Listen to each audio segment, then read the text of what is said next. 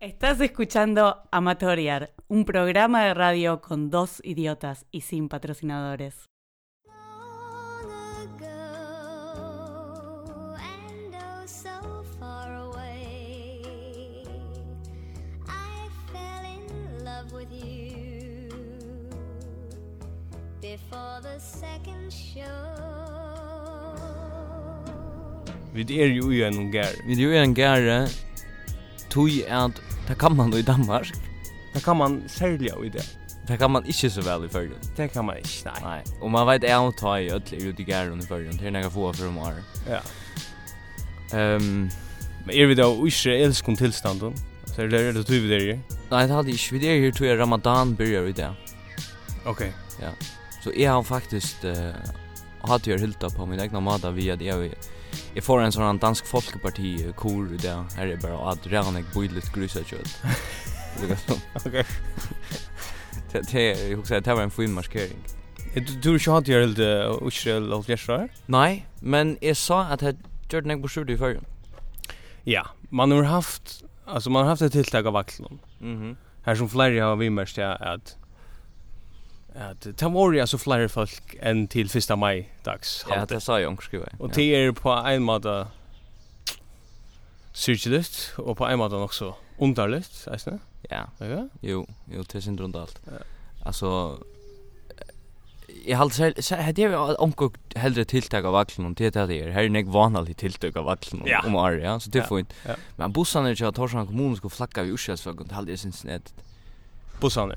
Særlig at ta og nu meir enn holdt trus palestinensar er deir Ja. og just nir uh, demonstrasjonen. Jeg fikk faktisk vite at det var en bussjåfør som hei fjerna fletjen. Åh, hva? Ja, og bussen. Hva er det? Et, jeg har ikke finnes noen navn, men Mhm, fikk det bare vite. Så ok. Det er nok svært. Ja. Jeg husker om, uh, um, altså, mye er det bare generelt, da. Ja. Så man lustar etter tøyndom, så lustar man rævlig ofte etter at så snakk var deg, Mm. Gaza, Mm. Syria, Mm. alla sånn, ja. Mm. Man har rævlig lyt om hvordan løy vi um er i mye etter. Det gör man. Altså, man har rævlig om hvordan degen ja, Mm. ja. um herjar. Ja, ja, ja. Kan vi kjøre? er Man har bare at det i Israel skal, skal ha til alt. Ja, og, og, og i første mil har man kanskje ta et ferielæg fer til uh, Sharm el Sheikh. Ja, Vi er en sånn øyelig suspekt om førskar uh, ferieskrivstål. Så det er en sort Facebook-etablissement, Ja, klukka sånn. ja. Ja. Det er det eneste man hører. men hvor er det sånn svenninga loftet for? Vi må teka han. Jeg vet ikke, jeg Hvor vet ikke. er... Jeg vet ikke Han gonger ui en Israel-keppe. Ja, Ranik. Nekv, ja. Ranik. Uh, han ser øyelig, altså... Han ser øyelig engasjerer. ut. Engagerar, ja. Det må man ja. säga. Mm. Jeg vet ikke hva han er, men er okkur han han veit nok nek om Israel. Er han mm. han er skipa fyrir sånn Israels fer og det er hans det veit. Ja, ja. Eh, han er sikkert uh, veit alt om uh, sövna tja Ben Gurion og og atlas der. Sen typen någon som är värre nere. Ja, ja. Men uh, Men ja, utarmarna, alltså jag huxar jag kanske lukar tagga till att jag har varit förrast. jag vet Tu har varit förrjon, att det täller svi. det till inte vi. Nej. Jag har varit Amagaluf. Magaluf. Alltså, eller Ui Magaluf er som är Amalorska. yes. er Och Kern flies vi. Norwegian. Okej.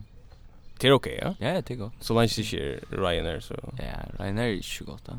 Det var jävligt en ekvi bretar. Ja. Bretar har varit ockuperat till steg. Berättar okkupera nek. Her- Ja, Ja. og særlig hette her, altså her, her var det stød som som i uh, Prince William, Ja.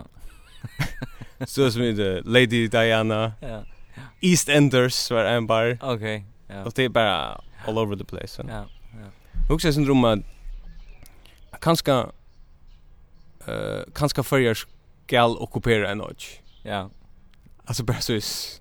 Hva skulle det Jeg være? Mm. hugs nu gongt han rettelig vel for jo, og mye enda gongt vel så kom du Til nu man skal trekka til nu vi skulle trakka til.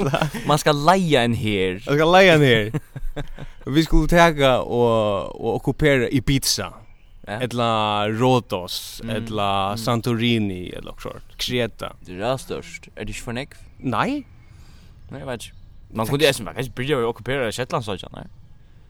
Ja. Tog jeg tar gonger Ja, ikke vel Jag i husker mer Shetlandsøyja. ändamål skulle vara om man färre sin det mer eh be- bättre väder för det första Mm. så man färdas inte mer eh, D-vitaminer i hötte och Mm. ta kongressen bättre i hela versämnorna. Ja, Så är Shetland inte gott. Nej. Nej. Nej, här är er det värre än förr. Ja, Här får det- man inte affäras. Nej, det gör Så hugsar jag ganska, hvis vi senda öll holdt tusen og så med ferie Ja.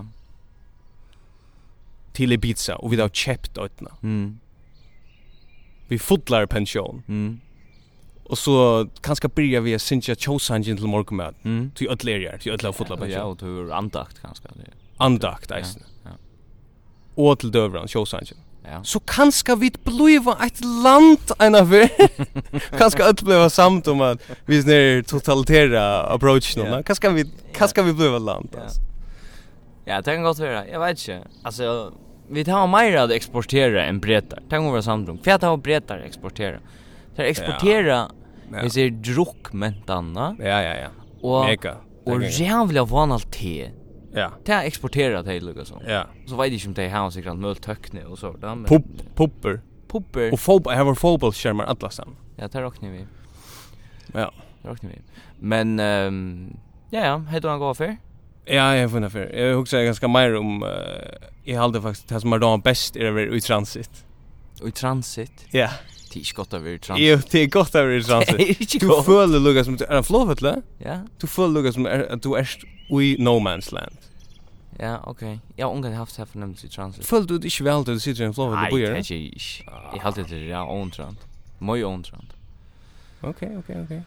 Men ja, jag har ju jag var för ju nice så jag är så fair alltså. Ehm Men det är kus lunch skulle vid eh bara söka bush för att du att vi sända live. Vi måste hitta vad vad vi ser. en annan som hickar. Ja, och jag går vid mig Sjurehammer. Hur han här? Sjurehammer är Hej Shurur. eh 72 är vi är va. Något så harst att välja mellan amatörer och Henrik Olchak. Det börjar rätt. Ja, er gott. Det är härsta väldigt med. Eh invandrare. Ja, ja, det gör det. Lista mig 420. Var det 420 hampa folk? Jo. Ja. Hat cyklar så Hatt er armfna byrstene. Finna Yes. Jo, Ehm jag jag förgör Ja. då. To to över förgör. Jag var förrjun, Ja. eh, en lydel observation av en flicka vid Atlantik som må bara stäffesta er ett endalest upplevs. Det är alltid nudge, alltså det är som att det är som att skala en leka. Kvarja Ja. för så är det alltid som en nytt län. Det är så Ja. jävla spännande. Ja ja. Jag flög ner, jag satt vid nated när, till ögat. Och faktiskt så en sån kunning. Knäckbein plus, och kunnig. Ja. Yes. Ja. Det visste är det här att Ja, så började jag prata så så läsa det upp om om om tryckna och och Mm. vi får visa till om hur tryckta det utgör när flåfärden och viskar och sånt där. Ja. Och så ser jag dig eh vis flåfärden länder och sjön. Så detta surrensmasker nier Mhm. och sluser öppnas lukas med eller sluser detta ur eh, från vi vi natet när. Ja. Mhm. Ja. Det første jeg husker ta er at jeg er jeg forteller ting at han at jeg har sagt hvis flåfer lender og sjån. Ja. Jeg husker hvis flåfer lender og sjån. Ja. Så her har vi et kjempe Så jävla bra det. Altså, det, det er jævlig lengt til affære omkring ja. Ja ja. Men så det nästa som jag jag också till jag också jag ska tagga till i Olvara vi jag sitter ju nej där så jag läser det lilla bläje man er får där det Mm. ständer vad man ska göra vis nu och ständer ja. Ja. Och så ständer oj is det bland hon att man ska inte sitta vid nej där nej. Vis man är lite bad eller vis man häver och ett handikapp eller och så där. Eller vis man är ovanliga fighter. Ständer det. Det är ständer. Alltså citat ovanliga fighter. Seriöst? Yes, det är ständer. Alltså mer vid den man inte färn ut till att betala två sätter. nej, det är man inte fan. Vi huxar vi vi vill ju tax free hallönen så kan det vara möjligt att ja, det ska införas då. Ja, ja. Och Ice Atlantic beer beer på minimum pengar kassan. Ja, ja, men alltså Atlantic er är först och främst en flakt en fraktflåfer. A frakt vad. Ja. er Alltså, det är- Skit. Du är fuck cheap alltså, nej, alltså. Ja ja ja. Och så hade jag snäcka bagage i isen, ja. Ja ja. Och så ödles här som tagga Taka pakkar vi och själv så. Ja, ja. eisen, Ja, men det har vi väl ju ofta. Men i ödlom för man ska inte se det här, hvis man är som er, Atlantic säger ovanliga fighter. Mm. Jag vet inte vad det är, men eh, det är som en värdering. Det må vara kilo till. Det är jag jag Det må vara kilo, det. Det är också er fight hvis jag är en stor dessa liksom kommer över och ser vi en en en en större fyra Ja. att du eh, er du nås tjockare. Du är- Nej, alltså så må hon säga vi igen att du erst ovanliga fighter. ja. Alltså till det här året hur man brukar. Men så kanske han har sagt ja, men alltså är är how är är vi för nek. Ja. Det är ju. Men är big boned. Men jag vill inte sagt är ju ovanliga fighter. Det är nek med mina familjer som är fighter inne. Att det blir faktiskt en argumentationssäk. Ja, alltså att det ja. blir sin så så år mot år. Ja ja ja ja. Hvis man inte har kilo till. alltså. Ja. Jo, ja. Jag har hoppa flera ja, och vi er vi är faktiskt nere att att två månader hittar nu. Nå okej. Men det är gott att folk har bättre ting att göra. Ja. Det går slett körs. Jo, ehm Du är väl eh hej hej. Jag gänga jag jag gänga folk och i jag gär. kan gå folk och gärna chocken så. Ja Det det spyr kvätt i helvete hade gång då. Vi här är jottpusk. Jag- Jag valde att det ska bara er- vara... Du har alltid filmat det själv. Jag är, vi må ha te och en lödd jag. Du kan inte Nej, det tror jag inte. Jag tog mig uppenbart en Jo. Ja. Jeg var i fyrjuna. Ja. Og eh apropos fyrjer så har du du um har hørt om en bøndan i Saxon, ja? Oh ja. Ja, som Som mycket annat. som har grön. Han är ju grå. Han har grön. Han är ju grå. Han så läser en tøyna stoppa om eh, om uh, några turister, eller eller utlänningar som det ständer. Ankor en herbig vanlig utlänningar och en annan utlänningar Mm. som var VJ här eh, var till gång i Saxon. er Det är några veckor sedan. Eh så kommer en manver och hötter dig vi bysche. Alltså han är ett gevär. Ja. Så du vet så. Han kommer ut läge. Jag har ett gevär. Ja. Och och hötter dig, ja. Kvad gör man så? Man är sin benchen. Så det er som det gör är att Tej tej Lucas som tej eh, tej tar kontakt vi sysselmannen här i Saxon. Jag vet inte var han sitter. Og ser vi han her Her var en bønte Og han høtte jo kom igjen en gevær Vinke vi. Altså det var sånn Og Og så Og så er det så er det Hva er sysselmann så va? Nå s- snakker det vi sysselmann Sier at du hva er man i sin landen Om vi sjøn hvor høstet det vi en gevær Ja. Så sysselmann bare Malta dem til at Ikke melda det Inte mest. Nei, du skal ikke melda det Og jeg mener så vi Alltså, Jeg mener så vi sysslimar var det Jakob Westergaard Ja, eller? jag vet inte vad det er är, det är ju onkel Sjörn. Han är sysslimar ju inte i sur. Han er är sysslimar och grejer så. Är inte det? Ja ja. Ja, okej. Så du är så kvar i han. Det är Ja ja, Det Jakob är Verjan. Westergaard. Jag ska snacka med han. Ja. ja. Dock Sjörn. Ehm, men alltså det är simpelt lökreklam i förjun som med alla följt till Ja. Ja. fullständiga skojt och Ja ja. rätta ja, Ja. Och full- skojt och low landa shit. Nej, inte melda han ger att det er är att låta ju. Ja. Men han er är kvärt kvärt skär. Jag vet jag vet när jag vet när jag det er. är. Vi onkel sitter lusta vi Ja. nu. Vidare det kvar mer er. är. Ja. Onkel borde färdig intland sagt vi han igår. Du måste slappa av. Mm. mm. Du jag är alltså för jag vände åter till Magaluf. va? Jag kommer jag vända åter till Magaluf några för. Okej. Jag huxar att jag checkade de lokala stövnen här.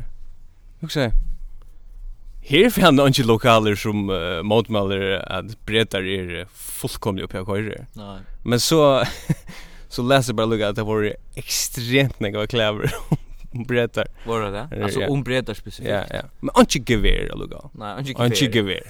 Noll gevär av Jag Magaluf. menar och Magaluf här var det ju Alltså här var det ordentligt ordentliga turister. Ja, det är ju Alltså, fyra tuskar som kommer. Nej, nej, nej, nej. Är det rubbre? Nej, nej, nej. Alltså det här var klamma Wiener turister, ja. schnitzel. Ja, ja. Så så här kunde det ju haft några gramsium.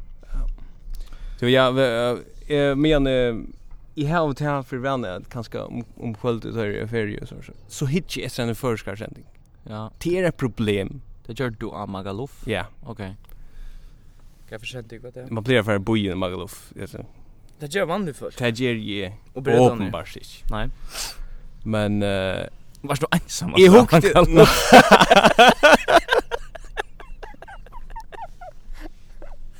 Åtta DR, solo. Nej, jag var inte ensam alls. Nej. i heje eh damna vi Ja. och vi tog en sending om Downs syndrom. er Ah ja, han säger Och är samförd nu Eh. Ja. om att det är er vit som är eh, onormal. Mm. Så jag det här var akromosom Maira. Ja. Alltså, Ja. ha? Ja. Och Så och hvis ma- man- så och manglar bara- vi. Bara så hvis du har ett Maira och i imskon Ja. så blir det över bättre. Ja, ja. Alltså hvis du har ett Maira score Ja. så vinner du. Ja. Alltså hvis du hvis du hvis du skorar till 1-0 och disten ändrar 1-0 Ja. så vinner du disten. Ja. Så är du bättre. Mhm. Og det er også bare så Elin Løtjen uh, og vet du ikke hva det er? Nej, jag känner inte. Og hun er mega cool. Okej. Altså hun er altså Är hon Hon Er mamma? synger, mamma- dansar- Mamma er dansar. dansar. Mamma som Nei, nei, hon hever danser. Och hon häver dansar. Ja, ja, hon er døtter Abraham Løtjen. Ja, för sure. Ja, ja, okej. Skulle skulle vi fra vi er vi til- så kommer vi godt fra vi er og sysna band henne er Nei, jeg vet ikke, men du Nei. vet at det er Ja, ja. Ta blue last. Hon var mega cool. Jeg husker nemlig om at at uh, Down, er- Down syndrom er vi på det. Och hon hej inte största sort kalabalik som det är nere här i Israel bara nu alltså. Kalabalik? kalabalik. Nei, jeg tar ikke ikke vi. To ehm ja, Ja. hur du meira om eh, det här sentingarna eller vad? Ehm Nei. Fylgja folk vi eller er det färna. Ja, vi der vi der ja 6.5. som fylgja vi nu. Ja. 46 folk. Ja. Det er, är eh, Men alltså vi må vi, alltså vi, vi får onka lustar det här lilla podcast hvis uh, hvis vi inte stäcker nu. Alltså vi må vi må vi må få en annan lusta. ja, ja. Vi tar en ta en spanska röd vi och hon. Eh Det har vi faktiskt, Ja. ja. Vi har Vi- vi, vi har ett ett upptäckt ett som spanska. du har varit i Magaluf. ja. Vi ödlen utstör. Ensam alla. Alltså Ja, vi tar en Ja. spanska röd, vi tar upptidigt några några några bitar här som eh, vi kommande säger Jag har klamt att syna vid uppsikt några bitar. Ja, alltså munbitar. Jobitar. Här Jo. som vi kommer att säga, estás escuchando amatörer. Ja. Una programa de radio, nej, un program de Un er radio. programa de er radio con dos, Dos idiotas. idiotas. Ja. yes. Perfekt. Men alltså ska vi ta låt rätt? Jag vet inte, Ja, vi- jag vet inte om man kan få svären gör. Kvar i ölnar. Ja, vi tar voin.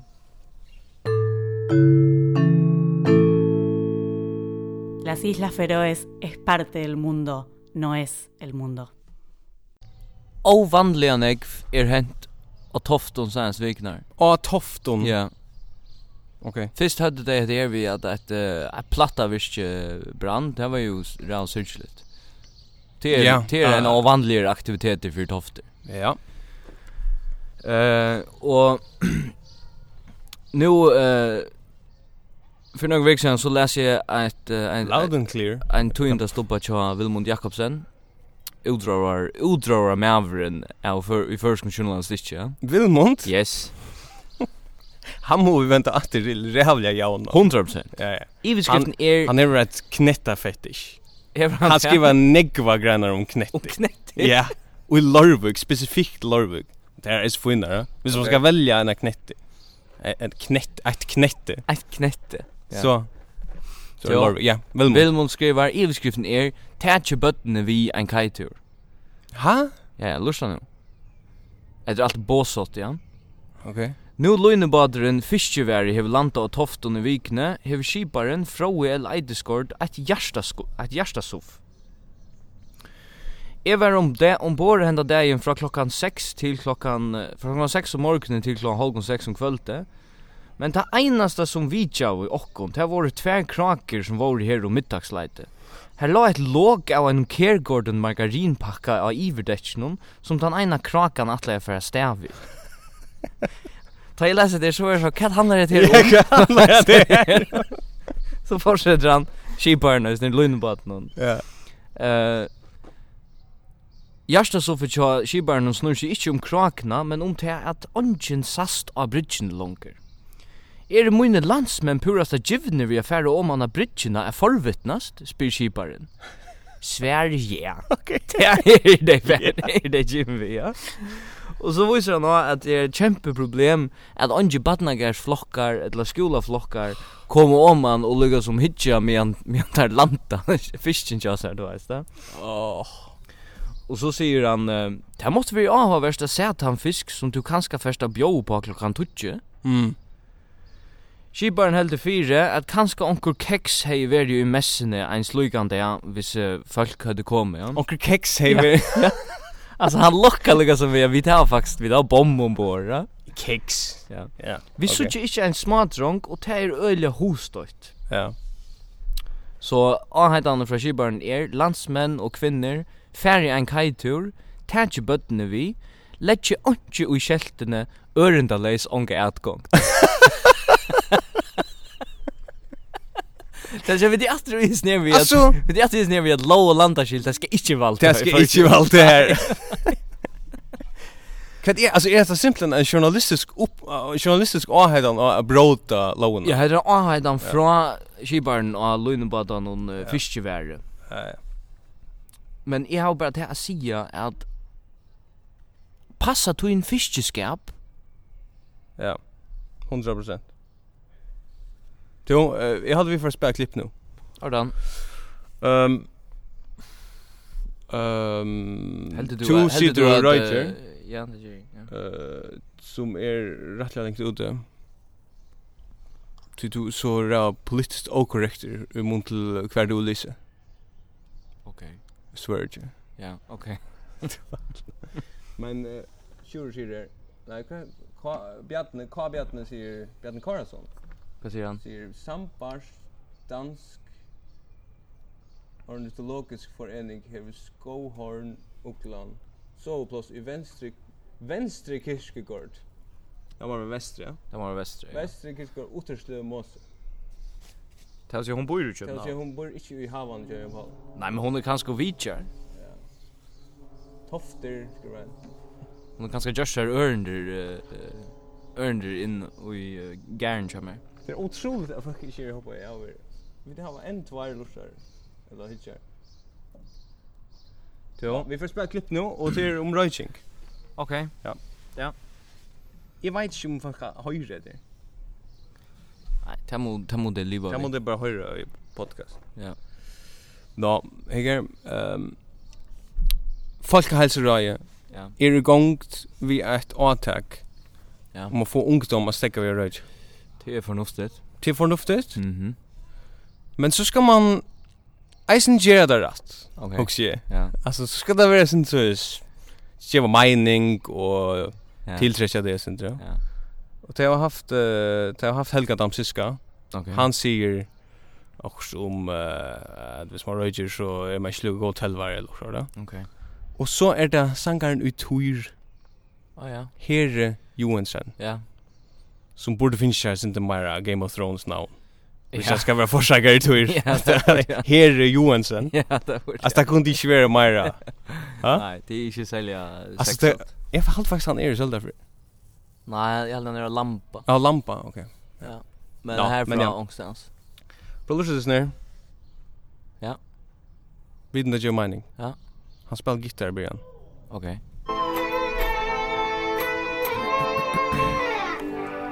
Hetta er ikki bort til, hvis jeg skulle gjøre røytja i heilan. Det er pura vist.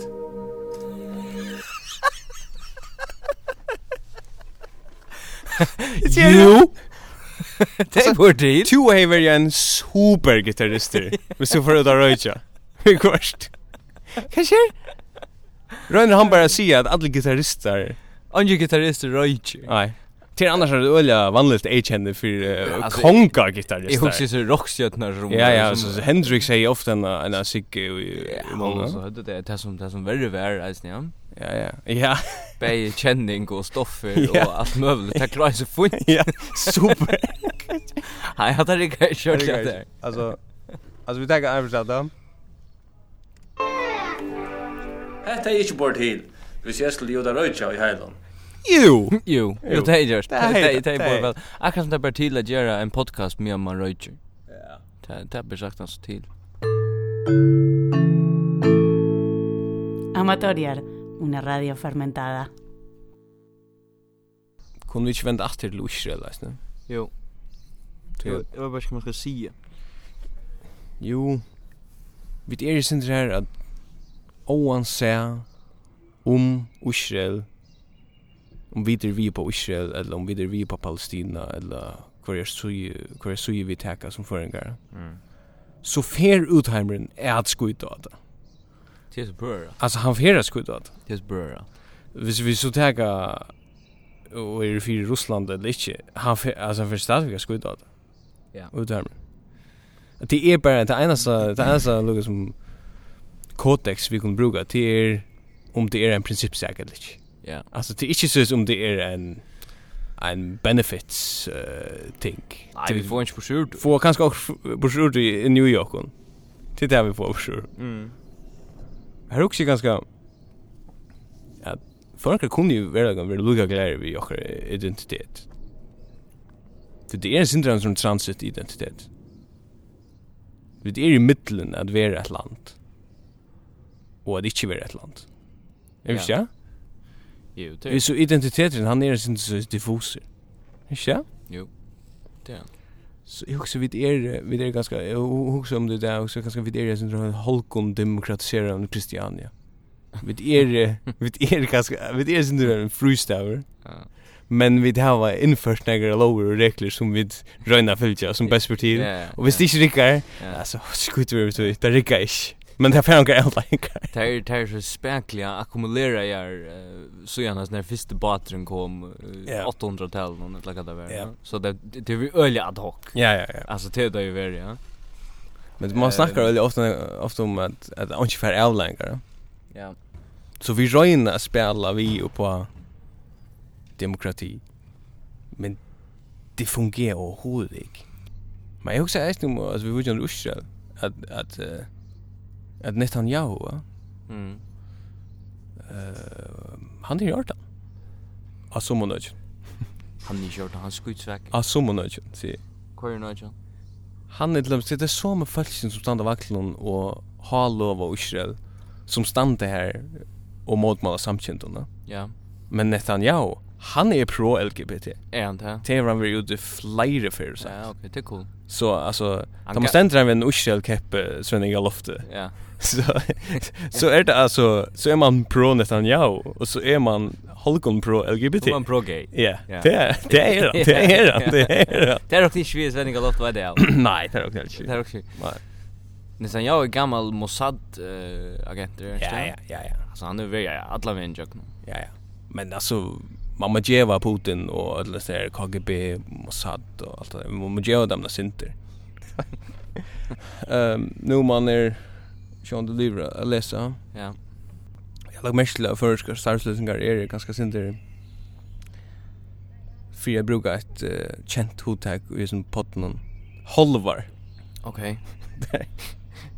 Det är inte beinleis sus danskar vet du. Nej, skit. Danskar skriver alltid det rött i åren, ja. Eh, Mm. Du ska vara initiativryker och Mm. allt det där innovativer och Mm. Eh, framfysen och allt det Ja, där. Men förringar har så valt, eh, jag får läsa några starslösningar upp, lösningar upp nu. Okej. Förringar har valt en annan last. Mm.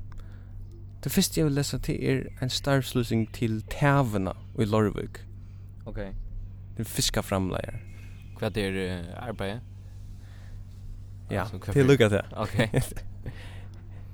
Iveskriften, altså iveskriften, Ja. uisne, Ja. er gasar eier byrja. Okej. Her, sender, middelrum, her, vi, verur søkt, hetta arbeidsfæltjer til fiskaframleisle. Okej. Til iveskriften. Ja. Onki gasar eier er enda. Nej, okej. Nei, bare okej. punktum at han Okej. Ok, så om at det gasar er byrja Ja. her, Mm. mittlerum vi, Mm. veru søkt hettar arbeidsfeltje til fram, fiska framleislen. Mm. Kvært meina du vi? Kvært meina du vi? Her stender ikkje arbeidsfeltje til tævna. Her stender her vi, veru søkt. Og så i teksten hon stender om at gasar er byrja. Her vi, veru søkt hettar arbeidsfeltje til fram, fiska framleislen. Men så stendt så arbeidstunningar um råknas vi over vanliga DR plus vikskifte mittel klokkan um 6 om morgonen og 4. Og okej, mittling klockan 6 om morgonen och 4. Nej. 04. Till länge där. Ja, det är en läge där. Du er Ja. är två timmar sömn. Ja. Ja, det är det är- det är så ständigt. ju. Allt det när chefen ringer. Det er ständigt klockan 4 om natten. Alltså Okej. mittling klockan 6 om morgonen och klockan 4 om natten. Arbetet vi i vakten. Hade förstått ska ska vi komma till arbete i två två timmar? Nej, Fyra sättna pass. arbetet i 22 timmar. Fyra till sex. Nej, 6 till 4. Sex till fyra? Syns du? Alltså, Ja, Ja, tio tio ja. tjugo timmar. jag hoppas jag skiljer det där. Sex till fyra tjugo timmar. Nej, mittling klockan 6 om morgonen Ja. till klockan 4 om natten. Okej. Det är långt. Det är 22 Det er timmar. är är långt. 22. er Nej, jag vet. Ganska alltså, tydligt att börja skriva hetta arbetsfältet. Ja, ja. Ja. Det är syns att det också kvar Ola kan få tagga det. Jag kände inte lätt att det var sökt efter falsk. Jag kände bara att det var sökt hettar arbetsfälsk. Ja, ja. Ikke, jag skiljer kört det. Då. För vi er är nästa lösning. Ständigt att det är en manver det ska ha. Nej, Nej. okej. nej, nej. Det kan det inte. Nej. Ehm men vi kunde tagga där om om eh, männen att han. Jag husker fan vi er är nästa starslösning. Mm. Sev Mm. Söger. Ivskriften av Twistarslusingen er Sommarfoklar til Sev Sommar 2018. Sommarfåglar Ja. till sev. Man har gjort sig, man gör sig omag vi at, at liksom vinkla det og sige nu har vi bruk for noen foklund til sommar som kunne arbeida tøyre av marska Mm. uh, i nægra månader. Mm. Men, det som problemet her er, Ja. det er at heldur du at maskinmasteren som det søker etter kallar seg sjån en sommarfugl.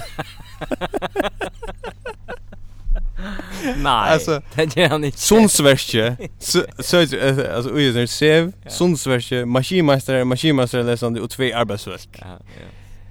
Han får komme til samrøvende og sige, Fyrst og fremst, jeg skal ikke kallast en sommerfugler, hvis jeg skal arbeide her i Sev. Ok? Så søker det eisen etter, uh, altså det søker som merger av folkjer, altså tvei arbeidsfolk til Vestja, Strond og Klaksvik og Ah, Mm. Mm. Det är inte det är inte sommarfåglar. Sommarfåglar. Nei, slett i rush. Vi merk, sånn omsakna fra Vestja, 21. mai, 2018, vi merk sommerfugler. Nei, Det är maskinmästaren för sig Nej. gör det. Han får ringa och säga, "Hej, är er maskinmästare?" Ja, if I Og- vi merk, maskinmeister. Ja. Men så ständ jag ständ faktiskt vi mer sommarfåglar och kvätt starv um. talande rum. Okej. Där ser han bara skriva sommarfåglar maskinmästare. Ja. Okej, jag har en rätt. Ja. Vad heter ganska bärande livskrifterna? Starsfolk till Oarlån. Ja. Heimsins tydningar mesta starv. Oha. Ambitiöst. Oha. Det är kviga kommuner som söker efter en nomsrange. Ja, ja. Heimsins tydningar mesta starv. Ja. Nu vet jag inte om du är... eh, Nej, men det är väl jag vill inte färd så länge då. Nej, jag vill sagt att det är tydningar mesta starv. Men jag minns alltså jag minns väl förr när man läste blöjne så sa man sån en lilla kundgöra att man då är det så här som öl stått där. Ja. Här man Ja. betalar för först år. Ja. Så det här var ju ofta öl stått där, stått där. Så stände det där lugga som eh Lönebadren Hans Charos leitar leitar till eh, fölke. Eh vi cyklar i annan kväll. Ja, ja, ja. Nämligen, ja. Ring Einolters Tutje Ja. halv Fyrst, fjärs. hade det han först som bara just där så. Skiparen. Ja, ja. Det är så. Bara ringa bara. Säg jag är kom. Hade det inte om eh, att vi vant att du kompetens innan för Nej, nej, nej, eh, nej, nej. allt möjligt nu Nej. mot hans eh, töckne och sådana. Nej, slett inte. Här vi vill sökt hettar arbetsfält. Ja. Ja, det var starslösningar. Men du ehm intressant. Det är nästa som händer i förrjun. Ja. Eh, det är eisen folk som som jag vet om som man finner nu starv till att det händer snäga brödingar i samfällan. Okej. Så jag körde runt i förrjun. Ja. Och i havnen i Särlja så huxar jag alltså detta måste täcka nu. Okay. Okej. Öklis i bitcha ruin, det kan fullständigt amok alltså. Kvar huxar du? Det är bitcha det glaser, ja. Mhm. Och så innan glaser bitcha det såna kämpestora idrottare. Ja. Og i søgnar av tog bytja det sånn Utrottar Mm. höll skola. Ja, men eisen er høll Okej. Jeg vet ikke om det skal være svimmi høll eller idrott høll Nej, nej, nej. Känns vi mjöl. Nei, jeg vet ikke Men beint vi så bytja det eisen skola Okej. Så her er nek bytja du i gang Ja, da. ja. Og, og, og så har man haft det her nere i her, og bakala, og, og ödels tingen, ja. Det er alle stedene i gang, da. Mm. Men, um, jeg får ut vid noen vinnfølse, Ja. og så at han har vidt at det gjørst så at vi var i at det tarv, du veist, da. Og til og jeg, så sammen, jeg synes det. Det var ikke fornemt. og Man så, hikker men- något om om sig. Ja, alltså. man- det er är så ja. stä här man man fick bara in och hikker ett fältsne som man ser man vi. Nei, nei, nei. Man er eh, nei. är här eisne tror jag att andra folk är här och Absolut. hikker hikker och Absolut. Jag fick en Ja. öliga gå en cocktail från en öliga fitton bartender som eh, som faktiskt säger att han eh, han lustar i efter amatörer. Ja ja, fast. Så det har stått lite. Mm. Att han har vid över tarv som är en fint upplevelse så också vet okej, okay, vad vill man så? Så vill man in och kaffe natur. Ja. Och så ska man in i dessa glasboxarna vid en öl. Särskilt att han har en sort funt upplevelse från tarv. 100%.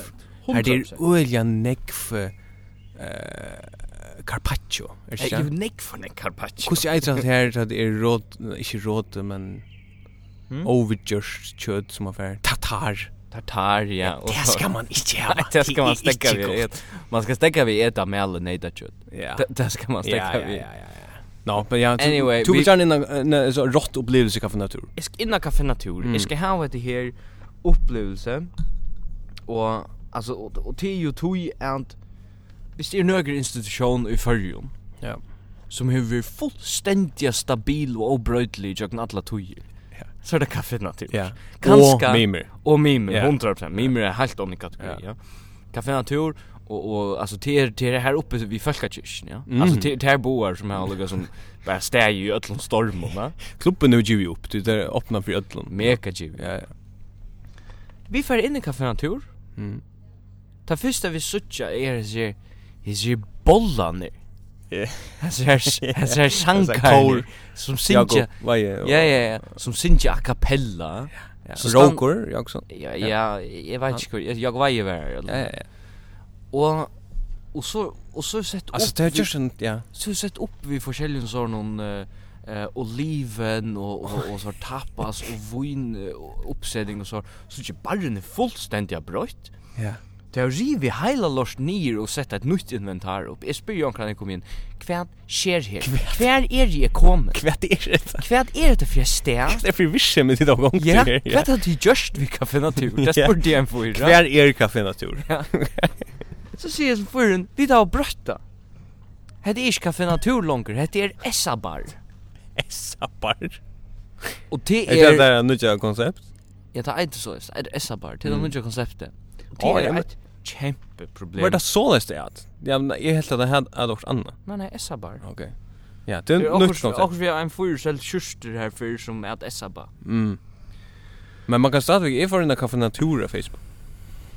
Ja, ja, men altså, det er vel ikke oppdateret her inn. Ja, Altså, det la lukka mig, ja. Det er det eitre Essa bar, Ja. Café Natur er history, det er out, det er ferdig, det kommer ångan i at. Jo, jo, ja, det var en ganga gæl, ja, det Ja, er. det er så det, Ja. ja, det er så det. Og det er et kjempeproblem for farmater, det har skift alt inventari ut, Ja. så alt er mega kvitt, og det finnes en sånn stilreina igjen, moderne igjen dama. Og det er et problem. Ja. Hitt problemet i okkar før, til det at jeg ennå for lova er, jeg skulle sida kaffe en tur, og åpna et vindu og råpa iver og at herr Mikkel er ikke kjeftig her iver, ja. Det kan jeg ikke gjøre nå. Du, det er så med følelsene som ganger. Ja, nu er det... Nu er det akkurat det samme. Nu måste vi være inne i Bauenstone og råpe vi høtt jo, faktisk. Ja, Etla bare for at Liss gjør ordentlige versusene som, Ja. som, som mimer og torsett, som bare så jo som vanlig sethus. Ja. Altså, Ja. som bare er sånn, en dag inn her, åja, her var en kjempestor bar, ja. Det er et kjempeproblem. Ja, ja. Jeg kan ikke føre om han her nå, ja. Nei. På handamandan. Får ikke stå i etter og Ja, men sånn... det är akkurat det. Och det- Det här diskuterar vi nekva. Problemet vi är att... Alltså det är faktiskt det första... Första dömer ju på att gentrificering är ordentlig gång till förrjuna. Mhm. Alltså det här att säga att nu täcka alla sig hipstöjen i Ivra och drepa dessa gamla institutionerna. Det enaste obrötta inne i- inne i Essabar, gamla Ja. Café Natur. Det Ja. var väsnet. Ok. Det var ju obrött, Mm. det luktade sig självon. Och och här, här var här var några såna några såna gamla kaffenaturtyper nya väsnorna Ja, det er simpelthen evakueras... eh, simpelt simpelt finer om av Om väsen. man är sig Så då ene säger, "Nå hetta var ju ödlan för sig självon lukt." Säg det men. Men Men det var ikke godt vist. Nei, nei, nei, nei, nei, nei. Men problemet nu er eisen til at fyrir var det til forta vesa kaffe en tur, så møtte du, du møtte jeg, så her var tusen folk nye vesene. Ja. Problemet nu er til at ungen er av vesa, eisa bare. Nei. Og han sier hvordan folk er inni her. Nei. Og veist kvui, Nei. det tog at, Drekk ikke pilsner. nei, det tog at rykar og etablerar utan rujus og vinnemålar ras og sanser typer, det geng ikke av vis. Det gjør det ikke. Det er fer ikke av vis. Altså, det er fer slett ikke lukka nek av vis som vanlig folk. Nei, nei. Det er så pissa trutja for om dagen og renna halvmaraton om kvöldi, ja? Ja. Og jeg husker ganske eisen, ja, hvis man fer fra båren og fra vis, Mm. så, så kanskje onker stjeler disse award som der er vi Ja. av bare. Det Ja. er, du har vunnet en award per vike. Ja, ja, ja, ja. Så ja. som onker danskar över designa. Ja. Alltså danskar är just lösning. Hundra, er hundra, ja, ja. hundra. Så det är sådana typer du möter och det pissar inte. Nej. Det pissar Arne för att det kommer hem. Det er är faktiskt tullig hem och allt det där. ja. Allt Ja, det ja, ölja. ja. Ölja. För jag kan att de ska stöta och jackasätt och så. Ja, nämligen. Ehm Det är inte Och- Hans och- Johansson jackasätt. och te- och te är lugga som te. Alltså det är andra klientell. Det är ett kämpeproblem er på alla som matar här och eisen till att det är nytt du får ett nytt klientell och till Mm. tillvita. Du vill Mm. ha att gamla typerna ut. Och Nu lukka som tar man kommer in så så får man spira så hårt. Nå, hur långt det vara sent stående och först vi är att han har och står inte vinner med Rai eller vad det Men för så spurte man när landade det vi Enneberg? Ja. Ettla. Hur långt det vi arbetslös? Ettla ska du ha en öl. Ja. Ska du ha en Ja. öl? Ska jag bjóa där en öl? Kvärt fer Samuel Ransfjäll att spela näst. Alltså ingen spelar live er här någon gång. Nej, nej, nej, det Det är är- bara bollar nu. Det är också jag jag tar så a cappella ting. Ja, ja, ja. Vet du? Men är vi på är vi på så här här. eh, underskottsbodega här. Vi kanske vi skulle öppna en underskottsbodega också. Ja, det borde man. Och alltså vi kommer bara Amatörer. bara äta det Eh, om man hör. Ja. Saktans. Vi ger vi ger det att essa bara essa bara gång vi undskott. Ja, så tackar vi det. Ja, så tack. Kalla kaffe natur. Ja. Under kan säga amatör. ja. Kämpe problem. Bröding är go men inte alltid. Ja. Så jag glömde vad jag klippet där men eh hade vi för vi förresten den Anna Jansson gäst. Okej. Ja, för vi vi må- vi måste snacka syndrom då det är det- det fittlar syndrom. Ja. Han var ändå en outjourn vi om man inte körde efter man fattar. Ja, det fick jag en allmyntliga symbolska båt. Ja, tusen kroner. Ja. Og eh jeg så lyser en grein her fra 8. mai av inn.mfo. Mhm. Kvinneknø tåla ikkje håndbølt, Okej. er i skrift. Ja. Og dette er en oppmerksom av visende det grein. Mm. Og visende, det er faktisk stendt faktisk. En svensk kanning fra 2012. Okej. Dette er faktisk ikke lyset. Nej. Dette er en grein fra 2018. Nå stendur det, Ja. yeah. visende en svenska kanning fra 2012. Okej, så onkel ordla vill light. Ordentlig vil Og- det. onkur- Ordentlig, onkur vil ha et clickbait her. Ja, Onkur vil och ha. onkel vill ha också om att kvinnor inte tål lika mycket som män. Fast det kommer folk som skriver. Mm. Ja, okej. Men det som vi skulle nå, det er... Den der, en svensk kanning fra Tyskland, så viser jeg vanten for at en kvinne sluter crossband i trudger eller er fem for større enn kjønn mann. Okej. Ok, alt. Alt leivet, er ja. Det beste vi snir, det er da man fornidler vi merskingene. Mm. Så er det snir, enda nere typen av ferien som det er som ordentlige. Ferien inn og inn.mfo, Mm. sitter vi i teltene i faunen, ikke noen. Mm. och bara Hamrar kom mest. kom hem och bara huxar hett i greinen som er är för vi mest ja. Ja, ja. Och hett är lugg som hett er perfekt till det öst mig upp um till arbets Ja. om att det janstöv. Ja, nämligen. Fuck janstöv ja. Ja. Så så ständer det. Nå. er Eller han är sån tona. Nå. Snäppjöten Västergård där tror jag. Okej. Kan se janstöv till det? Du vet, han är ordentligt, ordentligt sådär arbetsplan. Och så skriver en vimmersing under, Rane Andrasson Skålum skriver under, Ja, ja, han. min flagga med över. Mm. Här ständer att han och Lise, ständer att skvär han och Lise, Ja, bara inte ut vid, här ständer det, han och Lise, ja, apropå Israel, han och Lise, ja, Yad Vashem Jerusalem. Han är teacher för internetkurs. Ja. Ja. Han skriver så En sån här hö hö vi med Bara bara ingen vill melda för jag granskar det här. Halt ka- halt i- halt veck från keyboarden hon. Ja. Halt alltså Pjus man har kommit hem och sett att hälterna av fönnen inte liksom sitter där och huxar. Nu får jag finna en grej här som jag får skriva och Ja. semi-sjaunistiskt Ja, ja, stuttligt som ja. jag hade varit stuttligt. Ja. Er ikke stuttligt. Nei, er ikke stuttlet. Problemet er ikke til at det er blitzt og grek. Problemet er at det er ostuttlet. Ja. Det er bare vanalt. Og her er eisen som kommer en sånn her... eh, Jeg vet sikkert eisen er viktig at... eh, Jeg do, eh, altså, jeg do er simpelthen ikke kåt etter, men altså... Han skriver altså... Kvinner gjør det til å passe på bøtten over heimagengene, du ser om det er som gjør med at kvinner er Kvinnerne er skapt til å tjene mannen. Skriver han Ah, bare. ok. TV-message. Ok, Og hvis det skal være en joke, ja. så er det ikke skek. Nei, nei, nei. Nei. Men Så, eh, han jeg så tar- jeg så eisen i kjellerverden av sånn her domen hon. Ja. Agent ble dømt Ja. 1000 kroner. for- Ja, sånn her for... eh, Ja, sånn her for- Breckmann. Som Jack Amok. Ja, ja, ja. Läsar bra. Ja, ja, ja. Eller samrøve som eh, som onkel Anna Godliv för just vi med lock det var Ja. inte. Eh så säger han att här vi att nej men eh, starv i vär eisen det är också alla er tungt starv Ja. eh, till nek för bära till flyr flyr flyr hundra er, kilo man är så kan det är det för möbler det säljer. Alltså kan fan den där Alltså, det ja. Fer ivet til- fer ivet til mer Ikea slitt. altså. 100 procent. Ja, ja. Ja. Och så ser han nice till och och ty- man ska upprävla tulliga måttne och och kommer hem sent om det. Det vill säga, det är inte en chinspur. Skriv helt det. Ja. Alltså ta i över eh, jag minns ta i över i Perla i ena för och hej där på. Så Det er blir en setning. Ja. ja, så fick jag alltså vita öle ofta från damen som vaknar i näck förrän jag Ja. kommer Lucas och ruskar och i musiken. Kan du färra till arbetet? Så fel arbeids, ja. Du ska till arbetet. Ja. 100%. Så hade jag en chinspurning. Nej. Jag får jag får rena finna så grejerna nu. Hur var det med henne? Breckman?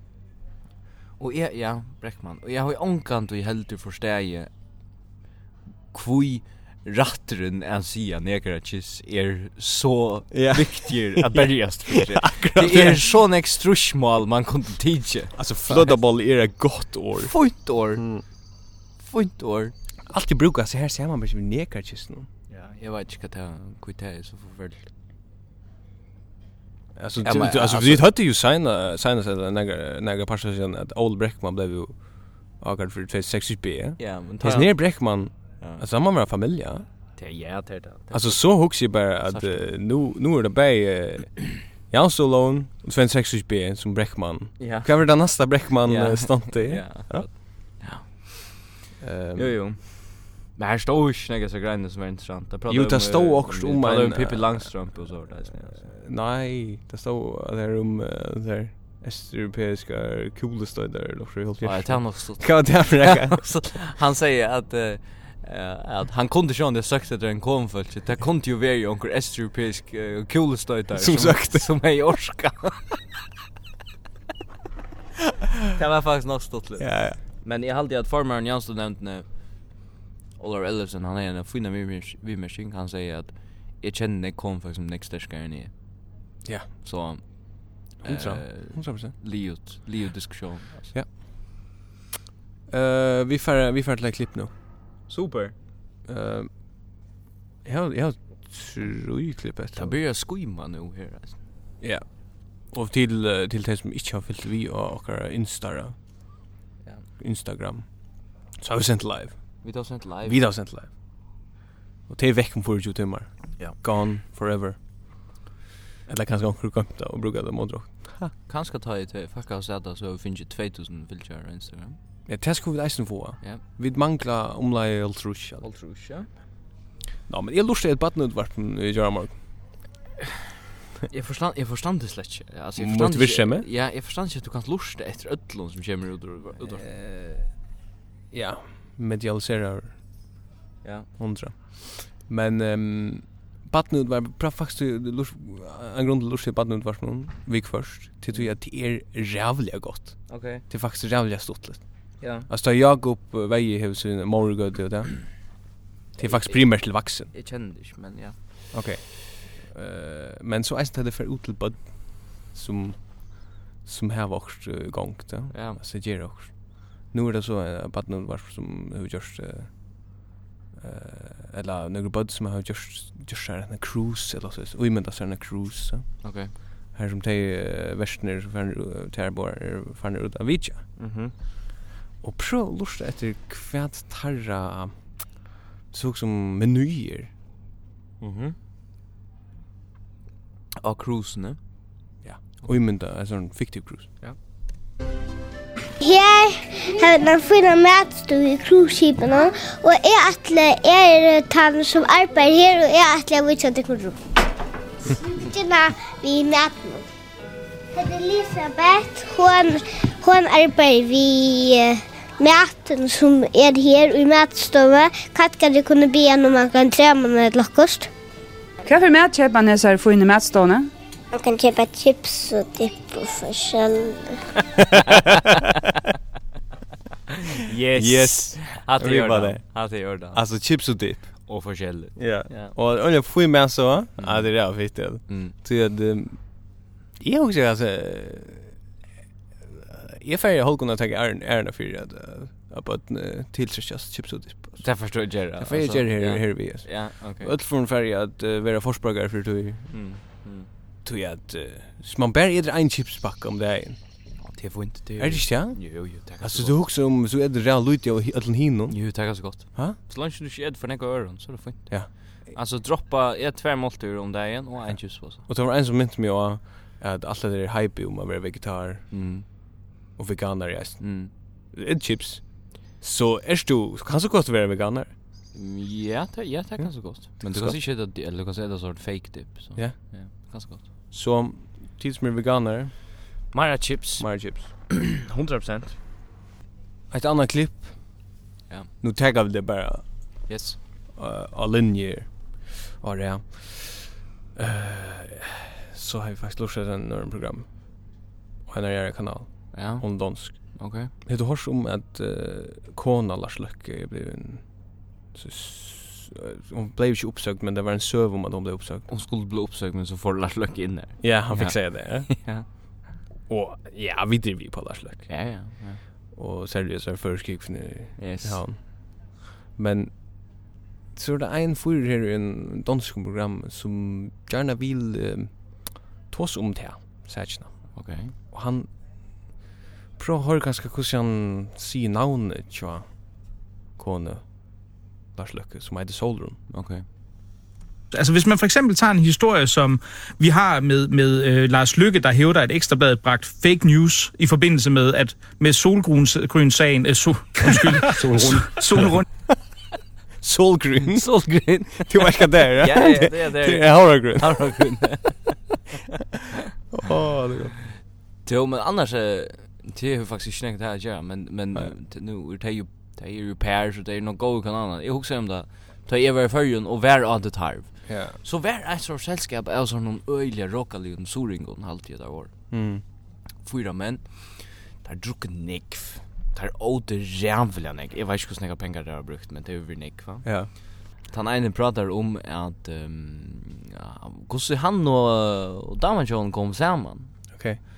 Da han oppstått litt søva, så forteller han at det var, eh, ja, det var jo en balle, og, og her var nekva drekka, her var nekva folk, og banna god stemningar, og, og vi hildi jo langt, langt ut av nattena, Ja. og, og tikk og vidda, tikk og kjenner det attor, og jeg ta, ta Eros kjemur og han fjore fer, ta han kjemur femte fer, og jeg ta, ta skabba den sånne stemninga, nå finner folk saman, ta blir man sint forelska, og Fjore, Då också jag. Nej, vi ser vi en ball här är oss över från fyra för. så får jeg heim. Så får jag hem. Et la vi gjør. Jag ångar det först lugga som Amor kom ju och, och skott pojlar in i rummet ta i Eros kom fram. Nej. Nej, han är han är faktiskt ölja han är faktiskt ölja bank då i oss. Han Han, är han är inte ölja. några förälskelse ju inte. Nej, nej, nej, Alltså det är nej. ölja Nej nej, bam bam bam. att det är en läkarkvällssanger. Ja, ja. Det är det. Och han är han är lever som den morgon. Ja, ja, 100%. Alltså han är färdig då. Ja. Det är inte några man tänder när man Nej. vaknar. Nej, nej. Vad annat har vi er, där alltså Du har ju mera klipp sett. Ja, vi aktliga bättre med alltså eh Du ska Jo, också du- du- nämligen du om ska- att det- Du ska spela klipp i Aron Grannan och börja klia. ja ja. Nej, jag tippar att vända åter till Israel då. Ja. Ty att Hörde du hörde du ett inslag vi vi är snarare vacklon till Alltså det som var i Sjónvarp nu. Til Haira og jo Israel og Vaklon. Det som var i Sjónvarp nu sa jag. Ja. Det sa jag, ja. Leid du mest til tann uh, foren som advokerer i fire Israel. Eh, ja. Det gjorde jag. Skulle du høre hva han sier, så kunne hun kanskje lukka vimerkja om til rett. Ja, okej. Og så halde jeg også et land um som tåser om vevn. Det var velfungerende demokrati, nytt til mye østre, vi fullt av immigrasjon. 25% er jøter, 20% er arbeidere, 5% er blanda. Her det livet vel sammen. Nei, Nej. det liva ikkje vel saman. Nej, och så så vill jag sen gärna säga kvar på tog 5 är blanta. Yes. Fan inte man prata. Alltså kvar- är er det israeler och araber som har funnit samman eller är det Ja. något som bara awkward miscellaneous? Och så är det sen till att säga att här ser 20 av araber Ja. är ockupera landötje. Ja. Det er är inte att säga till att det er är byggkvä. Ja, men det er akkurat det. Og altså, altså, bare, bare til at man ikke behøver sige til at det gonger vel, og, Ja. til, og man legger den til demokrati. ja. Ja, ja. Nei, nei, nei. Nej, att det här är att det är off att det är. Att det är pure off. Tej han var plaffa om man får hålla trus eh, palestinensare nyer nu. Ui, det. er- Ja, ja, Eh, ja, som ja, ett det är det. attersvärd och på steinar och några molotov cocktails. Ja, tror jag att Israel er är fullkomligt ivelig mot till um, weapons. Fullständiga. Gevär. Och- Alltså det här var det här var ett arsenal som är stött vid det här tja böndan Saxon. Ja, Alltså det var det. Israel är bönden Saxon Ja. och Palestina är Turisterna. turisterna som kommer och jag syns så du kan vi gänga. Nej, vi har gevär. Ja men ja men alltså Tid kommer bara och finka det hon ett land. Ja, ja, ja. Men så är det alltså det jag säger att eh, här var så en en som om på Palestina och såna till täckna. Här var det ganska tru folk och här var en för vi en flagga. Ja, jag sa det. Och hvis jag skulle ha valt mer sorry han gör det han viskar som en milder förra. Sen go for Han var bara wrong place alltid. halta is. Eh, s- vi ser ska valt mer en representant för Palestina. Jo, Så så så jag vi jag kass. inte valt han. han då. Alltså hvis du huxar kanske han i skolan är kunna tala Palestina. Mm, Ja, men det Säkert. vill han inte. göra. Nej, men han kanske han är kunna. er Han För pengar ganska. kanske. Ganska. Ja, ja. Eller vi kan släppa sitt i en bil med han gjort. Just en sändning om det, så är det. Jo, eh, nej, om Han gör det inte väl alltså. Nej, det är inte helt, men men hade men eh, jag helt att det det var han- fighta han kom över Palestina flaggen och stod här och säger lugg och sånt. Akkurat där. han aktionen var i ordan. Ja, Ja. det var cool. Eh, så läser jag att han vill inte ta i handen av Svenny Galofte. Det här skiljas, fyr- skiljas väl. Ja, hur ska han ta i handen av Svenning Galoff? Pyrs ta i handen nu. Nej. Man, Men men han- man behövs helst ingen grund ta i handen av Fölch alla då. Nej. Alltså, Det er är inte väldigt passivt, aggressivt att göra. ja, ja. Alltså emot jag för iver tag i hand någon och Mm. säga alltså det är en er eh, relativt ung dronker och ni. det är ju det. Som en sån gammal eh, Marion Ushel keppe. Ja, ja. Det kan virka sin där. Jag halde Eh. jag halde att man kan säga om att det är att eh, det är Ramadan nu. Ja. eh till er uh, Rachel det heter här händer. But nu tror jag Mm. att eh, nu vera palestinsk där var svenskar om man att dela Oh, ja. och tyster. Ja. Tror jag att det kunde sträcka och och äta med en solen upp ja. Är det att koordinera koordinera överföringar där alltså. Det det är det Är är det så nu får Ja, vi det fylla av fjärs. Ja, ja, men alltså det- nu får det fylla halv fjärs år och flyta sändeståna ja. till Ushra, Ja, ja, ja. alltså amerikanska Korrekt. sändeståna. Ja. Det är inte gott att uh, Trump Trump. som Ja. hon kallar det. Ja. Det är just det. Eh jag hej jag hej faktiskt en upplevelse jag snö att se att för utlandet. Ushel, jag kan gå huxa mig färdlus. Så där. Jo, jo, absolut. Ehm eller Palestina. whatever you Ja. whatever you like. Eh ta i var i Magaluf. Mm. Hva opplevde Så eh, man vill jag jag har halva pension. Ja. Det är gott. Alltså man får morgonmat. Efter fyra dagar så eh, så vill man köra morgonmat lock. Nei, det vil man Det ikke. vil man Det ikke. vil man ikke, Och nei. här var full English breakfast. Ja, ja. I det hela. Ja. Här en ta pom pomfritter alltså till morgonmat. Til morgenmat. Är Er det vanligt? Till Nei, eh, det er vi English? ikke, det er vi ikke så ofte. Men så också jag bara kvar kvar var det för klientell som var till por- morgonmaten. Ja. Och en turista typ som jag kunde huxa mer att vill lugga området jag inte till er tant som köper så här t-shirtarna här som er. det ständer navnet av bunnen här som man är. Ja. Så jag sa det högt någon om mig för jag huxar bara. Vad sker det? Han ene som sa det ramar, han var ojenare Monaco t-shirt. Det stod bara Monaco. Ja, här. Okej. Och han ene synar honom, alltså allt bredare. Ja. Cirkulerar i ska säga. Stod Los Angeles så. Ja, ja. ja. Så stod det bara imsk någon alltså han allt spyr någon jag också bara. Vad sker? Ta är er man, där hör man en öliga straight forward till det. Det er man. Ta fer man alltså in i den närmasta och så nu ska jag alltså här vad ser t-shirt ner Yes. förmodas. Ja. Så nu kan ju tro att där sitter hemma i sån där flat i London i en Magaluf t-shirt. Helt sikkert. Mm. Helt sikkert. Det gjør det. Jag kunde gå också med livan så att det är allt.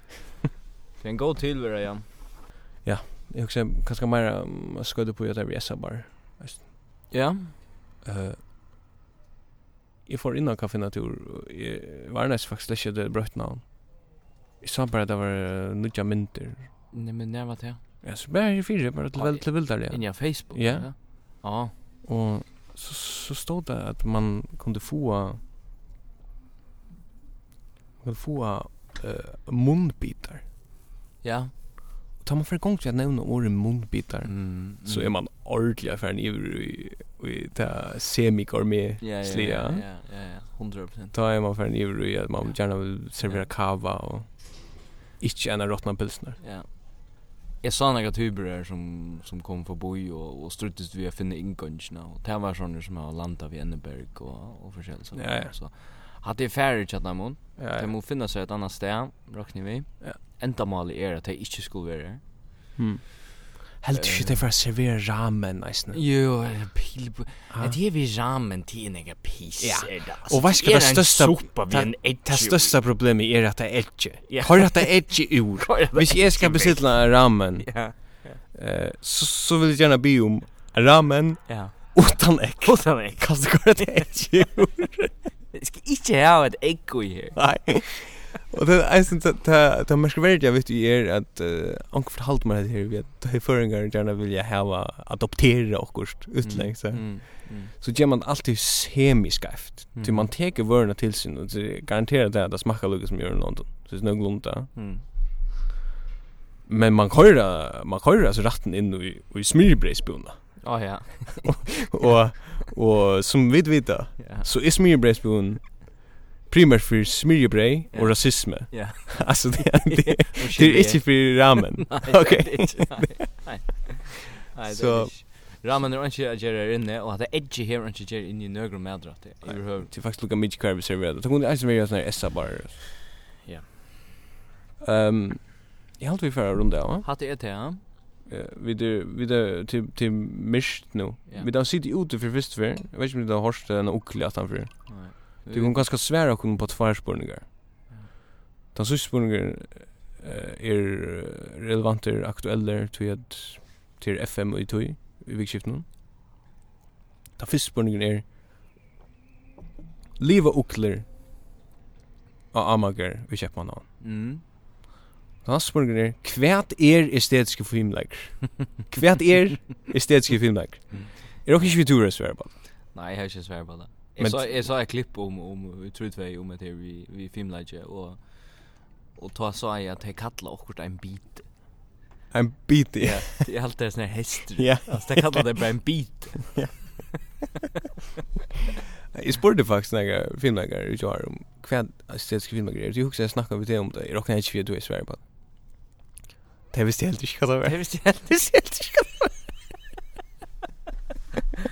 Men to eh, Jag har alltid något passande. Jag huxar mig att jag gör det. Jag huxar ett trutfej som jag är ju er militant uh, gärre. Ja, ta, hvis jeg er lustig til Ødlund, så lustig du voldsomt militant etter Hitje, Trudvei. hitje, Hei, ja. Ja.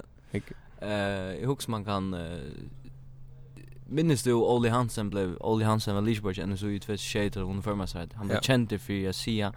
Vi tar en distagentjen. Nei, det skal ikke, ja. Det har oss öll sagt lukka sujan, ja. Ja. Og, og det sier folk stadvek. Og, og, og den unga generationen refer, refererer ikke engang til Olle Hansen langer, ja. Nei. Men jeg husker sin så sier, Olle sier det her for 20 år siden, Hmm. mer enn 20 år siden. Og sujan da har öll sagt det alla tog. Ja. Kunne vi ut fra tog stedfesta at Olle Hansen, Lishibarn tja NSU i 2006, er han klokast fyren i fyrrjun nekran? Vi får bare det i Ødlund. Ja. Alltså det må han vara nytt. Alltså han han är ju ödel för en skapten alltså en lilla Martin Luther King I have a dream. Rörsle. 100%. Atle Gregersen är runt John. Alltså Nej nej nej nej. nej. alltså, han har ju inte skapat några Nej, nej. citat som vi det är alltså så där ont alltså ont spalt jag alla. Han Ja, var ja. bara så showa, va? Ja ja. Jag huxar klokast för mest citera i förrige förrige nekran. Ja, utan att vi refererar till. Ja. Det är han. Vi Ja, ser det var det. Eh vi det efter Ta vi det ju att. tar vi det rätt. Ja. Och hoppas vi då nått de spanska rötterna. Kanske vi tar en annan nationalitet nästa. Ja, ja. Gracias por escuchar Amatoriar. Nos vemos la próxima. ¡Chao!